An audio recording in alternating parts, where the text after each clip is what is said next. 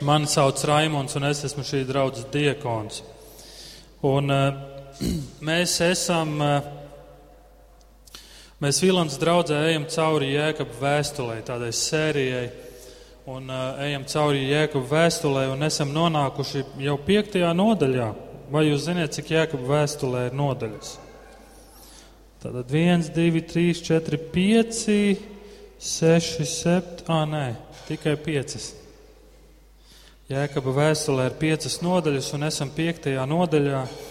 Un šodien domāsim par, par eh, tādu lietu kā, kā pacietību. Ja, jū, ja tie no jums, kas bija pagājušā reizē, mēs eh, domājām par piektās nodaļas pirmajiem sešiem pantiem, kad runāja par, eh, par bagātajiem. Un jūs noteikti pamanījāt, ka šī leksika, ko lieto Jēkabs, eh, nu, tāda diezgan skarba. Un ja tie no jums, kas jūs sekojāt eh, Jēkabā vēstules sērijai vai paši lasiet, jūs redzat, ka Jēkabā leksika mainās. Tad jau uzsvari savā ziņā mainās. Vienā brīdī viņš saka, jūs mani brāļi, mani brāļi, mani brāļi, tādi iedrošinājumi, un citā brīdī tāds dusmas, tad sajūta, ka Jēkabs ir dusmīgs. Viņš tā stingri lietas saka. Un arī pagājušā reizē, kad ar Markusu domājām, viņš teica, bagātie raudiet, vaimanādami par postu, kas jūs sagaida. Kāpēc? Un mēs domājam par to, eh, vai tas attiecas tikai uz kaut kādiem bagātajiem tur, kas brauc ar sarkaniem Ferrari, vai tas arī attiecas uz mums? Un mēs ieraudzījām, ka tas patiesībā arī attiecas uz mums, jo izrādās mēs esam bagāti. Jo izrādās mēs esam bagāti. un, eh, un, eh, ja tā varētu, varētu teikt, šīs dienas panti ir tāda monētas otrā puse. Ja pagājušā reizē mēs domājam par bagātajiem, kur jēkabs dod sties, striktus norādījumus, aizrādījumus un pamācību. Tad šajā reizē šodien ir vairāk tādi, kuri ir ticīgie, kuri ir ciešanās. Ticīgie, kuri ir trūkumā, ticīgie, kuri ir grūtībās. Un jūs redzat, un šeit atkal jēkaba balss tonis mainās. Un viņš saka, esiet pacietīgi, brāļi. Septītais pants. Viņš saka, esiet pacietīgi, brāļi. Viņš atkal uzrunā brāļi. Esiet pacietīgi. Bet ir svarīgi saprast, ka vajāšanas ir tās, kas atšķir patiesos kristiešus no neīstajiem. Un iespējams, ka šajā pirmajā draudzē, kuram, kurai Jēkabs raksta vēstuli, kura ir izkaisīta pa dažne, dažādām vietām, un viņi ir izkaisīti tāpēc, ka notiek vajāšanas.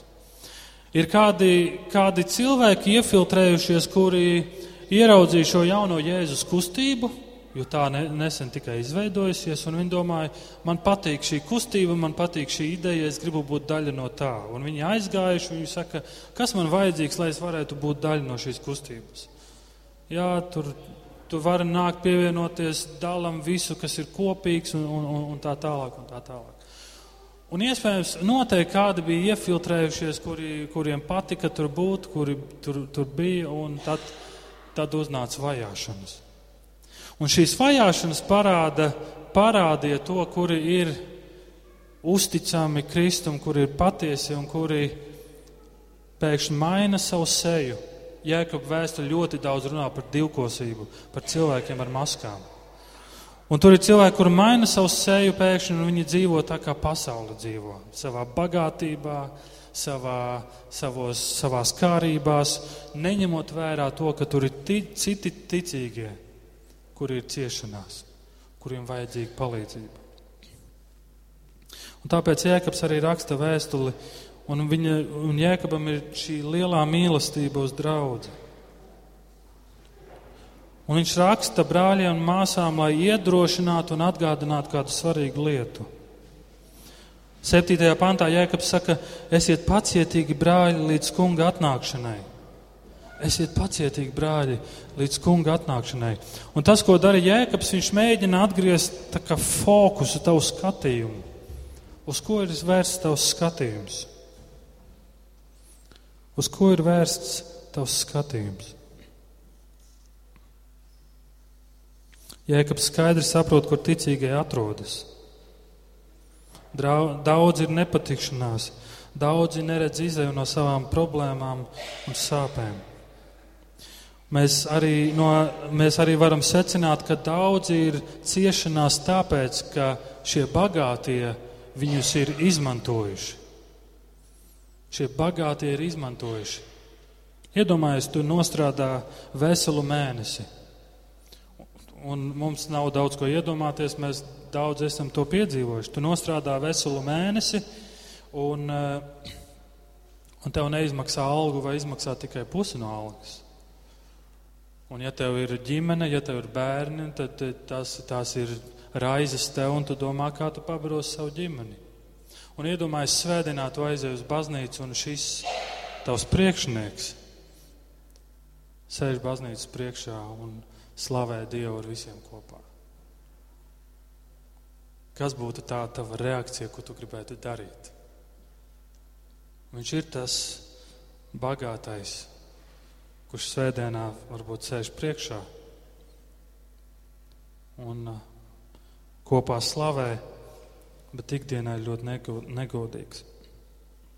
Tā vēlme būtu, es iešu un to nokārtošu, vai ne? Visapkārt mēs redzam uh, visādas lietas, un lasot ziņas, un uh, mēs analizējam situācijas un lietas, un mums liekas, mēs zinām, kuri, kuri atmazgā miljonus, kuri rīkojas nepareizi. Mēs jau visu zinām, viss ir pašsaprotams, vai ne? Ko viņi tur ņemās, kāpēc tiesa netiek galā, un mums liekas, mēs visu zinām. Un patiesībā tā realitāte ir tāda, ka šodien netaisnība ir tik acīm redzama, tik uzskatāma. Un liekas, kāpēc neviens neko nedara, neviens nespēja neko darīt. Tā vien prasās kādu riktīgu piketu uztaisīt, vai ne? Un šajā brīdī, kad tu piedzīvo netaisnību, iespējams vismazākais, ko tu gribētu dzirdēt, ir kāds pie tevis pienāk un sāk tev citēt Bībeles pantus. Un tava atbilde iespējams būtu, pat tev kā kristietim, tev būtu, man jau tā grūti, tu vēl nāc un man šādus pantus citē. Vai tev ir tā bijis, ka tev grūti un kāds tev mēģina atgādināt. Ir dažādi veidi, kā mēs to atgādinām. Ir reizes, kad mēs to neprotam darīt, un kad nespējam to darīt mīlestībā. Ir reizes, kad mēs cenšamies atgādināt patiesību mīlestībā, un tik un tā mēs to negribam pieņemt. Es to visu zinu, un atradies te gudrais, ko tu tagad te man ar saviem pantiem. Bet tas, ko Jēkabs eh, saviem brāļiem un māsām grib atgādināt, ir, atgriezt savu fokusu uz kaut ko ļoti, ļoti svarīgu. Fokusu, iespējams, uz ko tu esi zaudējis, uz ko mēs esam zaudējuši fokusu.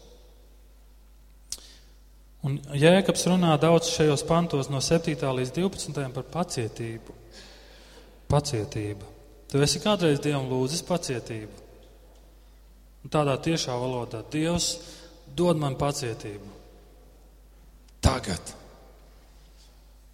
Dod man pacietību tagad. Tad, kad es domāju par pacietību, vai kāds saka pacietība, pacietība tad uh, pirmais, kas man nāk prātā, domāt par sevi, ir es un mans opelis. Manas braukšanas prasmes un to pielietojums noteiktās situācijās. Manas emocijas un skatienu uz luksaforu, kad neīstajā brīdī neīstā gaisma, bet man vajag zaļo gaismu. Un katru reizi es braucu, un tur ir sarkans, un tur ir sarkans. Un, Un tad vēl kāds pa, vir, pa priekšu velkas un, un vispār nebrā, nemāk braukt. Un tad ir vai nu sieviete vai vīrietis, un tad ir teicieni, un tad tu redzi savu pacietību. Salīdzinot kādus desmit gadus atpakaļ un salīdzinot desmit gadus atpakaļ ar šodienu, varētu veikt tādu pētījumu, cik ātri mēs varētu, cik daudz ātrāk mēs šodien iepērkamies kā pirms desmit gadiem. Kā tev šķiet? Ātrāk vai lēnāk? Pagājušā nedēļā man kāds draugs teica, viņš aizgājis uz Rīmu iepirkties. Un kad viņš iepirka uh, pilnu grozu un viņš iet uz kasēm, viņš skatās pilns ar rindām. Saka, es paliku dusmīgs. Nevar atvērt vēl vienu kasi. Tas nekas, ka pa labi ir pašapkalpošanās kasa. Bet es negribu iet un pats tur visu darīt. Un viņš ir dusmīgs, viņš ir, viņš ir nepacietīgs. Pacietība ir diezgan aktuāla tēma šodien, vai ne? Viss, mēs šodien varam iepirkties ar vienu klikšķi vai tiem, kam ir ļoti gudri telefoni, mēs pasakām noteiktus vārdus, noteiktu teikumu, un telefons to izdara tavā vietā, un tev pat nav jāpieskarās viņam. Viens klikšķis. Atcerieties interneta attīstību, kad bija iezvana caur telefonu, internets iezvana iespējas un, un, un, un kā tas viss pamazām attīstījās. Kā tu gaidi, kamēr tur sāks, un nāk, tu pacietīgi gaidi, kad tas sāksies. Kā tagad tu atnāc uz kafejnīcu, ja tu atver savu datoru vai telefonu, tur nav internets, ko tu dari. Tu ej pie pārdevēja un saka, kāpēc nav internets. Jums internets nestrādā, tāpēc, ka ieejot tajā vietā, automātiski tev vajag internetu. Viss ir viena klikšķa attālumā. Un tagad tādi, kādi mēs esam, aizved sevi uz pirmo gadsimtu un mēģina risināt viņu problēmas, jeb dzīvot viņu situācijā. Kā būtu, kā būtu ar manu pacietību? Baigais radikālais salīdzinājums. Jēkaba pirmajā nodaļā 2 līdz 4 pants, ko mēs arī skatījāmies un lasījām, Jēkabs saka, ikreiz, kad pār jums, mani brāļi, nāk dažni dažādi kārdinājumi, uzņemiet to ar vislielāko prieku. Saprastami, ka jūsu ticības pārbaudīšana rada izturību, bet izturības piepildījums, lai ir tas, ka jūs esat pilnīgi un nevainojami bez jebkāda trūkuma ka tavā dzīvē nāk kārdinājumi, priecājies. Jēkabs arī atgādina, kas tas ir, ko, ko Dievs no tevis vēlas. Ka tu esi pilnīgs un nevainojams bez jebkāda trūkuma. Un Jēkaba 1. nodaļa 12. pants. Laimīgs tas vīrs, kas iztur kārdināšanu, jo pārbaudi izturējis, viņš saņems dzīvības vainagu, kas apsolīts tiem, kas mīl kungu. Laimīgs tu esi, ja tu izturi kārdināšanu.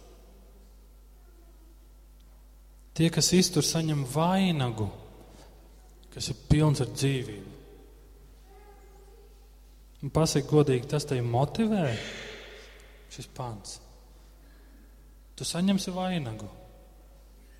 Tā ir tev pietiekama motivācija, ka tu dzirdi, jā, ja es izturēšu kārdināšanas pārbaudījumus, kas ir manā dzīvē, es saņemšu dzīvības vainagu.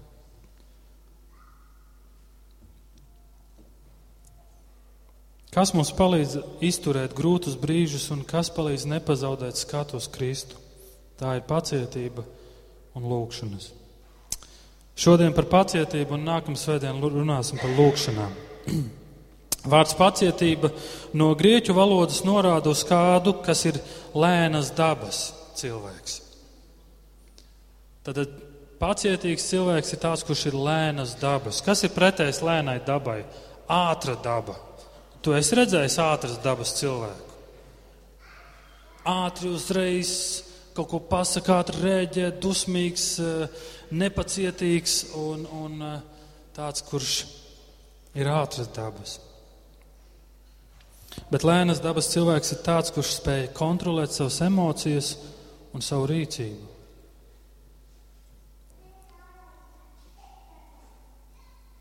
Par ko tad viņiem jābūt pacietīgiem? Viņš saka, esiet pacietīgi, brāļi. Pirmā gadsimta ticīgajiem atcerēsimies, viņiem bija dažni dažādi pārbaudījumi. Pēc Jēzus aizbraukšanas debesīs daudz domā, ka Jēzus atgriezīsies nu drīz pēc nedēļas, pēc mēneša, varbūt maksimums pēc diviem mēnešiem.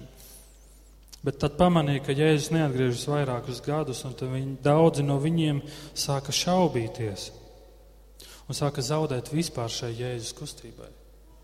Jēzus nenāk. Jēzus nenāk.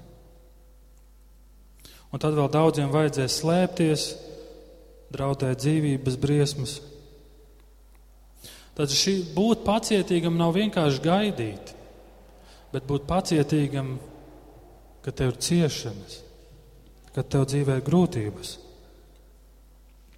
Un mēs lasām, ka esiet pacietīgi, brāļi, līdz kunga atnākšanai, 7. pants. Un, un šajā 7. līdz 12. pantam Jēkabs dod trīs piemērus. Un viens no tiem piemēriem ir Redzi, zemkopis sagaida zemes vērtīgos augļus ar lielu pacietību, gaidīdams, līdz zeme būs saņēmusi gan agro pavasara lietu, gan pēdējās rudens lietavas. Un pirmo piemēru, ko Jēkabs mums dod, ir zemkopis. Kā piemērs pacietībā. Ja tu kādreiz apsver domu kļūt par lauksaimnieku, tad tev būs jābūt pacietīgam. Tu esi kādreiz mēģinājis kaut ko izaudzēt. Cik ātri tu esi uz palodzes, uz savā podziņā kaut ko izaudzējis, cik ātri tur kaut kas sāk dīgt. Nu, varbūt daudz ātrāk nekā zemniekam kartupeļi, vai ne? Tas pats ir arī ar tiem, kas vēlas uzsākt savu biznesu, kas ir uzsākuši savu biznesu. Jūs redzat, cik ātri tas iet, cik ātrus rezultātus mēs gribam, bet kā ir patiesībā. Un tu redzi, arī tur vajadzīga pacietība.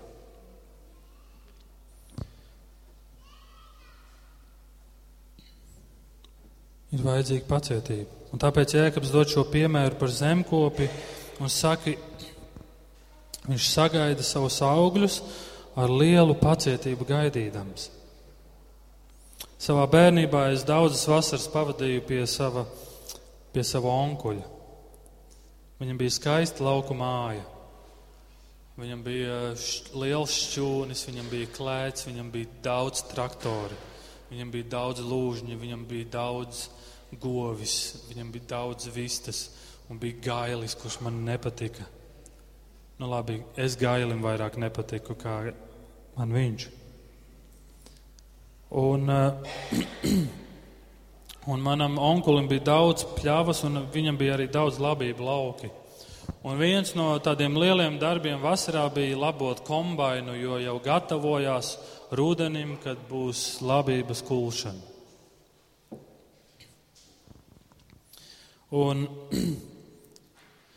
un es atceros, kad vasaras beigas jau tuvojās, kombains bija salabots, viss bija gatavs, Kombainers nedrīkstēja braukt uz lauku un kult, kamēr onkulis teica savu jā vārdu. Viņš nedrīkstēja braukt un kult, kamēr netika teikts, jā, tu drīkst to darīt. Bet, lai pateiktu šo jā vārdu, es ar savu onkuli laiku pa laikam aizbraucām uz labības lauku. Viņš paņēma dažas vārpas un ielika tādā speciālā mērierīcē, kas nosaka uh, graudu mitruma līmeni kurš noteica, vai, vai drīkst kult vai nedrīkst. Un es pamanīju viņā kādu, kādu tādu ļoti labu īpašību. Es pamanīju, viņš ir, viņš ir ļoti, ļoti pacietīgs. Viņš bija nepacietīgs attiecībā uz kombaina remontiem. Kaut kas negāja, kaut kas plīsa, vajadzēja braukt pie detaļu, bet viņš bija ļoti pati, pacietīgs attiecībā uz to, kā aug kartupeļi, attiecībā uz to, kā aug labība un, un kā, kā viss aug. Un tas iemesls, kāpēc tas ir, tāpēc, ka viņš saprata, ka viņš nespēja kontrolēt laika apstākļus. Viņš nespēja kontrolēt, kurā laikā līs lietus, cik daudz līs lietus, cik ilgi līs lietus. Viņš to vienkārši nespēja kontrolēt. Un, un noteikti viņš iemācījās un saprata, man par to nav jāraizējas. Jo tas ir, viņš neteiktu dieva ziņā, bet viņš teiktu, tas ir kāda augstāka spēka ziņā. Un arī šeit Jēkabs mums dod piemēru par, par lauksaimnieku un saka, arī jūs esiet pacietīgi. Un esiet pacietīgi ar Dieva laiku, kad būs īstais, agrais un vēlais lietus. Tu to nezini. Tu to nespēji kontrolēt. Bet esi pacietīgs. Zemkopis ļoti daudz strādā. Strādā arī tu. Turpini strādāt bet pacietīgi gaidi uz Dieva laiku. Zemkopis zina procesu. Viņš zina, kam ir jānotiek, viņš zina, kas ir jādara, jādara ar zemi, kā jāapstrādā, kurā laikā, bet ir lietas, ko viņš nespēja kontrolēt. Esi pacietīgs un gaidi uz viņu, uzticies viņa laikam. Un tāpēc Jēkabs saka, arī jūs esiet pacietīgi, brāļi un māsas. Stipriniet savas sirdis. Un kādu citu piemēru viņš dod? Desmitais pants. Jums, brāļi, ir dots piemērs ļaunuma panešanā un pacietībā. Pravieši, kas runāja kunga vārdā. Jums ir vēl viens piemērs.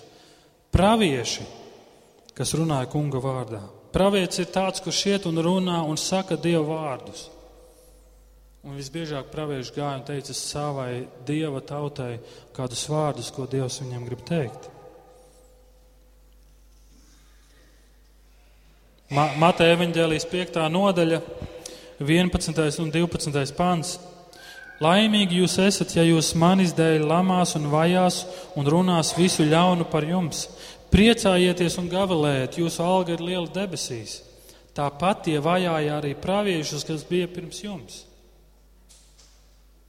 Tātad vecā derība ir, ir daudz praviešu minē, minēti, kuri cieta dēļ tā, ka viņi gāja un sludināja Dievu vārdu. Viņi cieta dēļ tā. Arī tagad, Jēkabs zina, daudzi ir ciešanās.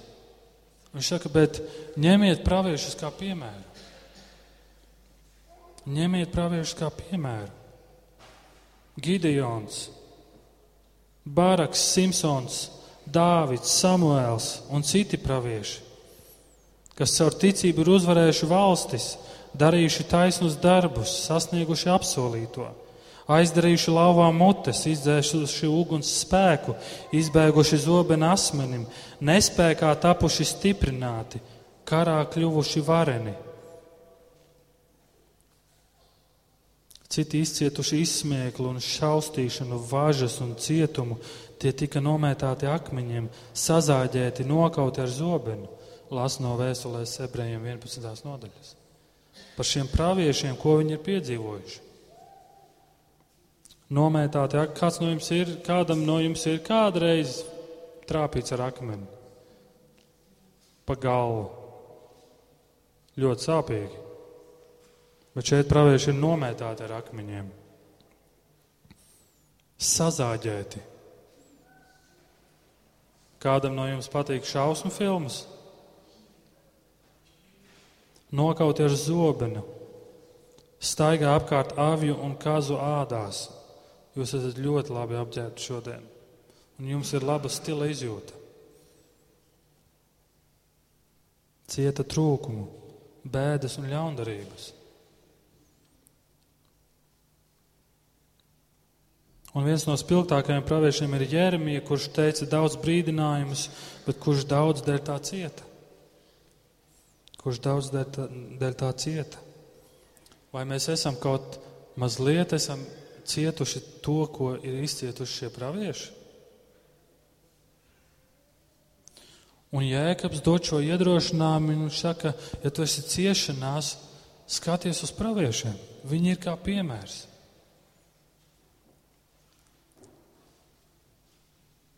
Un tad Jēkabs dod vēl vienu piemēru, piemēru kā būt pacietīgam izturībā. Piemērs izturībai. Jēkaba 5.11. Redzi, mēs uzskatām par laimīgiem tos, kas ir izturējuši. Par īebu izturību jūs esat dzirdējuši un zināt, kādu iznākumu kungs viņam nosprieda, jo kungs ir žēlsirdīgs apžēlošanā. Tad, kad tu domā par ciešanām, kas ir pirmā persona, kas tev nāk prātā? Nu, labi, otrā persona. Pirmā varētu būt Jēzus, un otrā - Ieps. Un ar Jēkabs šeit min iebu. Un ko mēs zinām par iebu? Viņš bija, mēs zinām to, ka viņš bija krietns un taisns, viņš bijās Dievu. Tas nozīmē, ka katru savu lēmumu viņš balstīja Dieva likumos. Tas nozīmē, viņš savus dēlus un meitas audzināja pēc Dieva likumiem. Viņš mēģināja staigāt Dieva, pēc Dieva principiem, cik maksimāli vien iespējams. Un tad ieba grāmatā mēs redzam kādu sarunu starp sātanu un dievu, kur, kurā dievs dod sātanam tiesības aiztikt to, kas pieder iebu. Un mēs zinām, ka iebs bija lielās ciešanās. Vienā dienā kalps atskrien un saka, lopi ar kalpiem tika paņemti prom, nāca uguns un vienkārši paņēma prom. Kamieļi tika nozagti. Māja, kurā atradās viņa bērni, sabruka vētras dēļ. Visi bērni aizgāja bojā. Man liekas, bija kā desmit. Tad, kad es dzirdu kādu traģēdiju, kur iet bojā kāds bērns, tas, tas vienkārši satriec un lauž man sirdi. Vienā dienā ieps zaudē visus savus bērnus. Kas vēl lielāks varētu notikt? Un tad vēl nāk slimības par viņu. Sieva bija pret viņu, un sieva aicināja nolādēt dievu un likties mierā. Pat sieva, tava mīļotā blakus, viņa saka, Un tad ierodas viņa draugi un liekas, nu tā ir pēdējā cerība, uz ko es varu cerēt. Mani draugi ir atnākuši, varbūt tie mani stiprinās. Un arī tie saka daudz pārmetumus un saka, cik grēcīgs ir ieps. Lūk, piemērs ciešanās. Un ko dara ieps? Ieba 19. nodaļa, 25. līdz 29. Klausieties, ko saka Ijāps. Es zinu, mans glābējs dzīvs, un galā nostāsies pāri pīšļiem, kad man nebūs vairs ādas šīs. Tomēr miesā es skatīšu Dievu. Es viņu skatīšu pats, manas acis redzēs ne citas.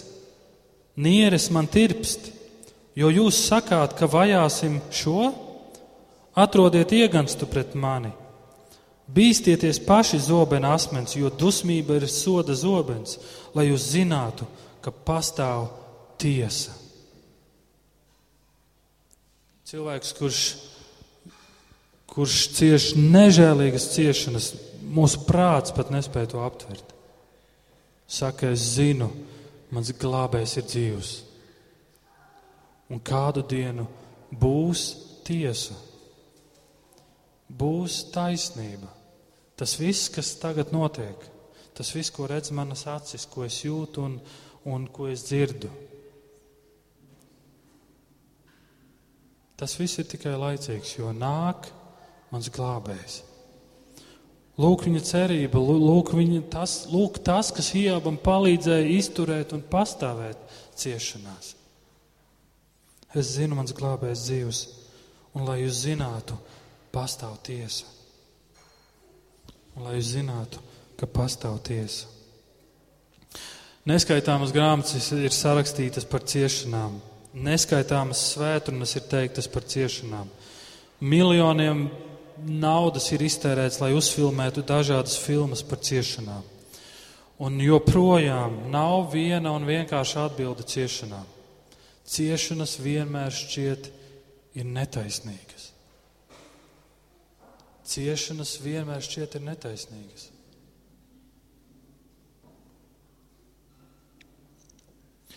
Tātad Jēkabs šodien, Jēkabs tajā laikā saviem brāļiem un māsām grib dot kādu svarīgu atgādinājumu. Esiet pacietīgi. Esiet pacietīgi. Un jums ir piemērs. Jums ir piem, vairāk piemēri. Skaties uz zemnieku, skaties uz praviešiem un skaties uz īābu. Esiet pacietīgi. Un Dievs ir bijis uzticams. Un, un, un es, kad domāju par īāba gadījumu, ziniet, kad ir visgrūtāk? Pieņemsim, ja tev ir slimība. Ziniet, kas ir pats grūtākais? Ka tu nezini iemeslu, kāpēc. Vismaz man tā ir. Vai kāds uz tevi ir apvainojies, kāds kaut kā reaģē, un grūtākais ir tas, tu nesaproti, kāpēc. Kāpēc tu tā reaģē, kāpēc tu tā dari? Ījāba gadījumā viņš nezināja, kāpēc viņš cieš. Viņš neko nezināja par šo dieva un sātana sarunu. Bet viņa vārds bija: Es zinu, mans glābējs ir dzīvs. Cik spēcīga ticība, cik spēcīga paļāvība.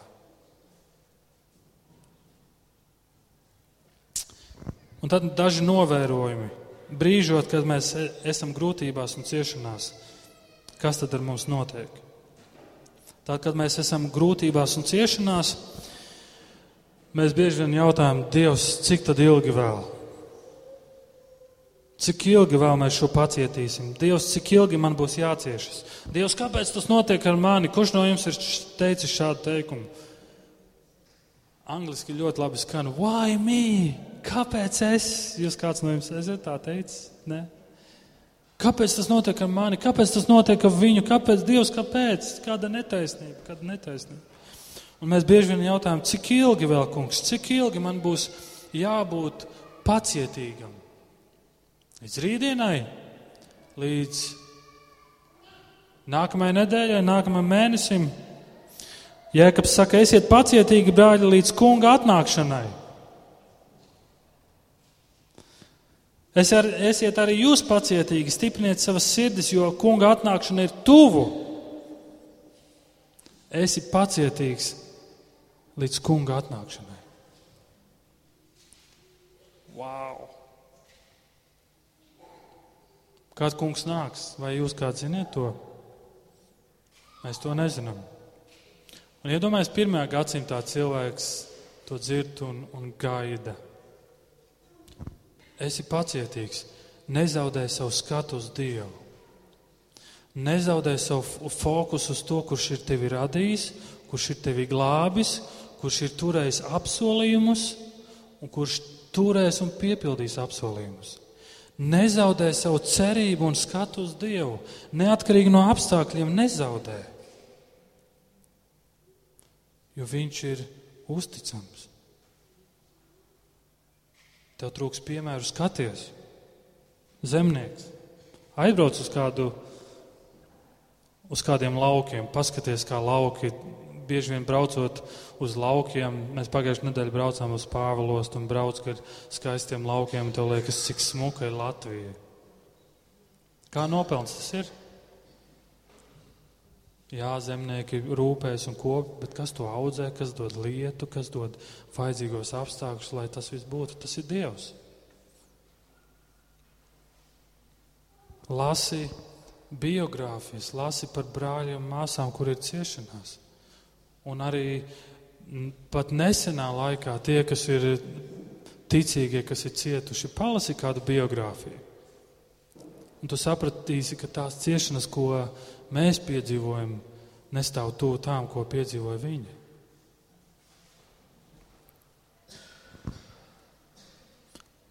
Cik ilgi būt pacietīgam līdz kunga atnākšanai? Vai šodien šie vārdi tev ir pietiekami, bet atbild sev godīgi? Es gaidu, kad mans kungs nāks atkal. Es gaidu Jēzus otro atnākšanu. Es gaidu, kad tiesnesis nāks un viņš visu nokārtos. Jā, mēs zinām, ka Jēzus nāks atkal. Jā, mēs zinām, ka viņš ir tiesnesis. Viņš nāks kā tiesnesis. Bet ar šo reizēm nepietiek. Mēs gribam risinājumu tagad.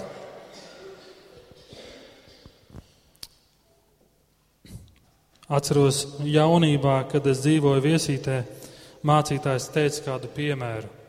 Viņš saticis savu kaimiņu, un kaimiņš esot bijis dusmīgs un teica, tas tur cilvēks man nodarīja pāri, bet nekas, Dievs viņam atriepsies ar manām rokām. Un tā reizē mēs gribam, jā, Dievs atmaksās ar manām rokām. Es gribu risinājumu tagad.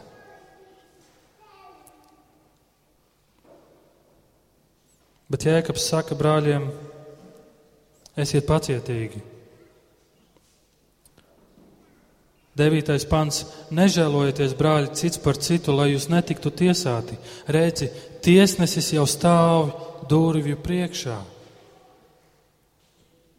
Tiesnesis jau stāv durvju priekšā, kad Jēkabs bija tiesas priekšā. Rakstu mācītāji un farizēji viņam jautāja, pa kurām durvīm nāks tiesnesis. Balstoties uz šo pantu, ko Jēkabs teica, ka tiesnesis stāv durvju priekšā. Viņa teica, pa kurām durvīm tad viņš nāks. Un pēc tam jēkabs tiek nomētāts ar akmeņiem. Un viņš saka tieši tos pašus vārdus, ko teica Jēzus pie krusta. Dievs, esi viņam žēlīgs, jo viņi nezina, ko viņi dara. Viņi nezina, ko viņi, ko viņi dara. Ja mums nepietiek ar to, ka mēs zinām, ka Kristus nāks, ja man nepietiek ar to, ja tas man nespēja motivēt, tad iespējams es esmu pazaudējis savu cerību. Iespējams, es esmu pazaudējis fokusu. Un manas attiecības ir, ir ļoti, ļoti augstas ar Kristu.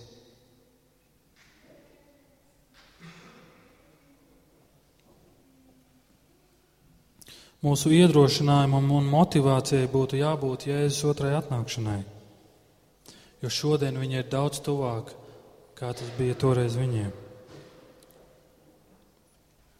Tad no, viens no novērojumiem mēs bieži vien jautājam, cik ilgi, un Jēkabs saka, līdz kunga atnākšanai. Otrā tendence un novērojums, kad mēs piedzīvojam ciešanas un piedzīvojumus, un kas notiek, kad mēs esam nepacietīgi mēs sākam žēloties. 9. pantā teikts, nežēlojieties, brāļi, cits par citu, lai jūs netiktu tiesāti. Nežēlojieties cits par citu. Kad mēs neesam pacietīgi, mēs sākam žēloties. Un šis grieķu vārds nozīmē, arī citur tiek lietots jaunajā darībā, un šis grieķu vārds nožēlo, nozīmē nopūtas. Citā vietā Pāvils saka, visa daba nopūšas, visa radība nopūšas un cieš. Nopūtas. Un tas nav slikts vārds. Mēs nopūšamies, visa daba kopā ar mums nopūšas. Un mēs šīs nopūša, nopūtas ir gai, cerības un gaidas uz nākotni, kad kaut kas mainīsies, kaut kas būs labāk. Bet tad, kad mēs sākam nopūsties viens par otru, tad tas var būt bīstami. Tad, kad mēs nopūšamies par apstākļiem, kas notiek apkārt, un gaidām, un lūdzam, un ceram uz Dievu, tās ir citas nopūtas. Bet, kad mēs sākam nopūsties viens par otru, mēs sākam tiesāt viens otru. Mēs sākam ciet, tiesāt viens otru. Tas, tas var kļūt kaut kas neveselīgs, kaut kas toksisks mūsu draudzē, mūsu attiecībās. Brāļi, esiet pacietīgi. Skatieties uz piemēriem, uz zemnieku, skatieties uz praviešiem un skatieties uz īābu ciešanās. Viņš ir jūsu piemērs. Esiet pacietīgi. Cik ilgi līdz kunga atnākšanai? Esi pacietīgs. Stipriniet savas sirdis. Skatieties uz kungu, gaidiet uz viņu, viens otram atgādiniet, kāpēc mēs katru svētdienu nākam uz Vīlandi. Lai atgādinātu, lai stiprinātu viens otru ticību, lai mēs būtu pacietīgi gaidot. Mēs visi sastopamies ar savu veidu ciešanām. Mums visiem ir jautājumi, kad, Dievs, kāpēc ar manīm, kāpēc man šī slimība? Es ne, un es nesaprotu, kāpēc tas tā ir. Un kāpēc ar mani notiek šis? Vai, un ir tik daudz situācijas mūsu dzīvēm, kad mēs nopūšamies un ciešam. Vai arī apstākļi, kas notiek apkārt, liela netaisnība. Mēs domājam, cik ilgi vēl, kungs. Iesim, uztaisīsim rīktīgi mītingu un parādīsim viņiem. Bet Jēkabs saka, esiet pacietīgi. Un lūdziet, atjaunojiet savu skatu uz kungu un uzticieties viņa tiesai un taisnībai. Un reizēm Dieva tiesa nav jāgaida līdz brīdim, kad Kristus atnāks. Bet jautājums, vai tu uzticēsies, ka Dievs darīs lietas, vai tu pats iesi skriesi un darīsi? Maza atkāpe, vai tas nozīmē, ka man vispār nekas nav jādara? Man nav jā, jāizstāv savas tiesības, man nav jāpastāv par citiem. Nē, to tas nenozīmē.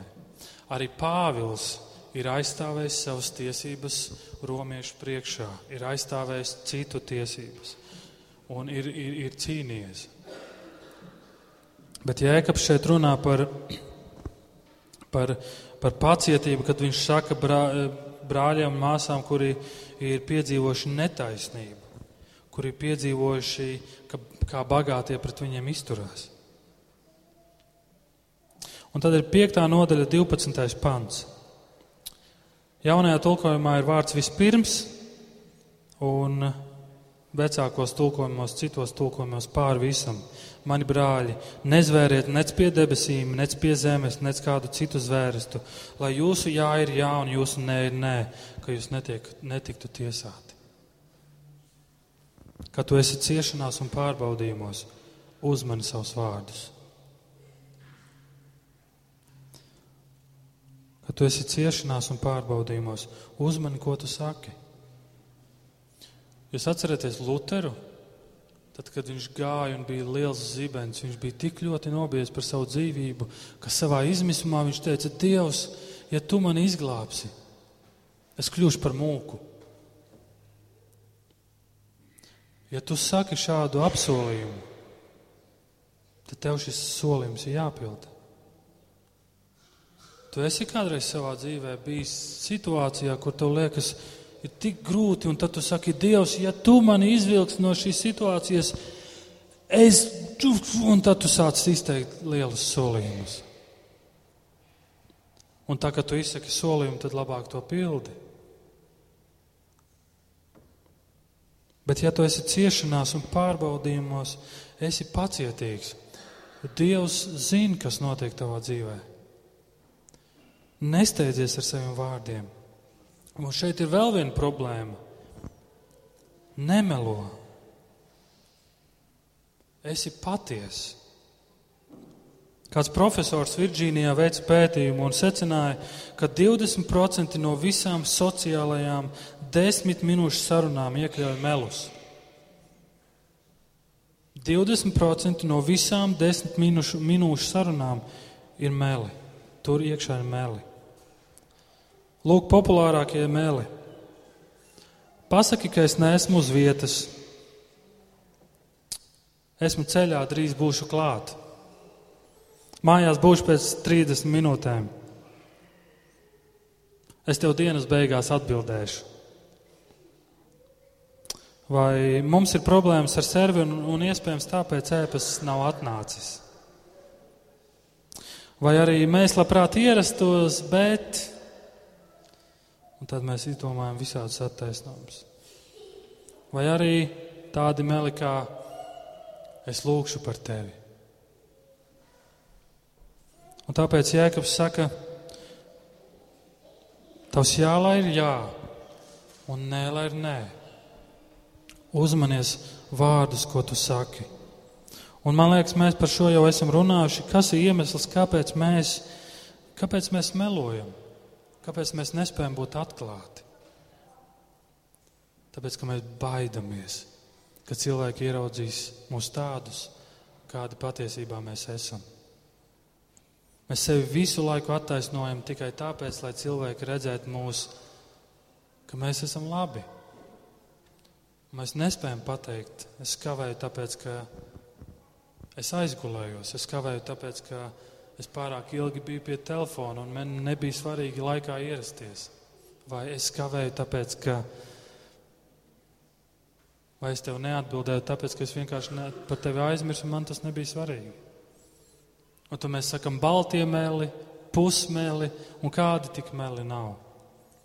Bet mēs zinām, ka melu tēvs ir sātans. Un, un, un ja mēs tajā neesam uzmanīgi, tad mūsu dzīvē meli var būt kaut kas ļoti viegls un automātisks. Esi pacietīgs ciešanās. Atceries, ka Jēzus redz visu. Bet neesi vienkārši pacietīgs, bet pacietīgi gaidi uz Kristu, gaidi uz viņa risinājumu. Neesi vienkārši izturīgs, bet esi izturīgs ticībā uz Kristu. Paļaujies, atjauno savu skatu uz viņu un tici, ka Dievs ir labs, ka Dievs ir žēlsirdīgs, ka Dievs ir uzticams. Un tas, ko Dievs vēlas mūsu dzīvē darīt, ir daudz vairāk kā tikai darīt mūs laimīgus. Dievs vēlas darīt daudz vairāk kā tikai darīt mūs laimīgus. Viņš vēlas, lai mēs esam svēti. Viņš vēlas, lai mēs esam līdzīgāki Jēzum. Viņš vēlas, lai mēs esam viņa atspūgs, jebkur, kur mēs esam. Arī vārdos, kad mēs izsakam vārdus un tās ir ciešanas, un tie ir izaicinājumi, kas palīdz mums kļūt līdzīgā, līdzīgākiem Jēzum. Viņš vēlas, lai mēs esam nobrieduši, un tāpēc ir vajadzīga šī, šīs situācijas, kad mēs esam pārbaudīti. Vai tas ir tavs dzīves mērķis? Būt nobriedušam, būt pacietīgam, izturēt. Vai tu vienkārši savā dzīvē gribi būt laimīgs? Lūksim Dievu.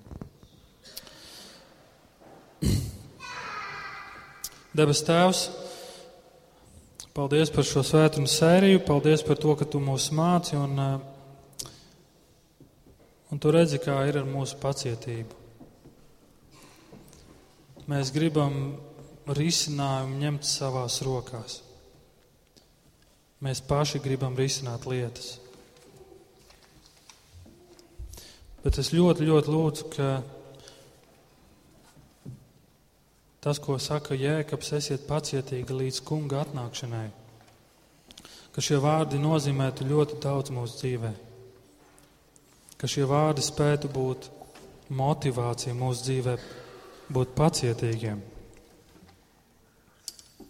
Ka mēs esam pacietīgi attiecībā uz saviem darba kolēģiem, attiecībā viens uz otru, attiecībā uz kalpošanām, ka mēs esam izturīgi un saprotam, ka kalpošana prasa laiku, ka mēs esam pacietīgi, pacietīgi attiecībā uz savu ģimeni, uz saviem mīļajiem, uz saviem bērniem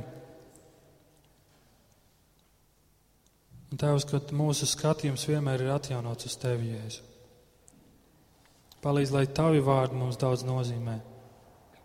Palīdz, ka mēs esam tie, kas iedrošinam viens otru, un ka mēs spējam pastāvēt, un arī iedrošināt citus darīt tāpat. Jēzus ļoti lūdzu pēc patiesa prieka mūsu dzīvē, un es ļoti lūdzu, ka tad, kad mūsu dzīvē ir pārbaudījumi vai ciešanas, ka mēs spētu to uzņemt ar vislielāko prieku. Un Jēzus ļoti lūdzu par brāļiem un māsām citur pasaulē, kas ir īstās ciešanās un pārbaudījumos Tava vārda dēļ. Paldies par Tavu vārdu. Āmen.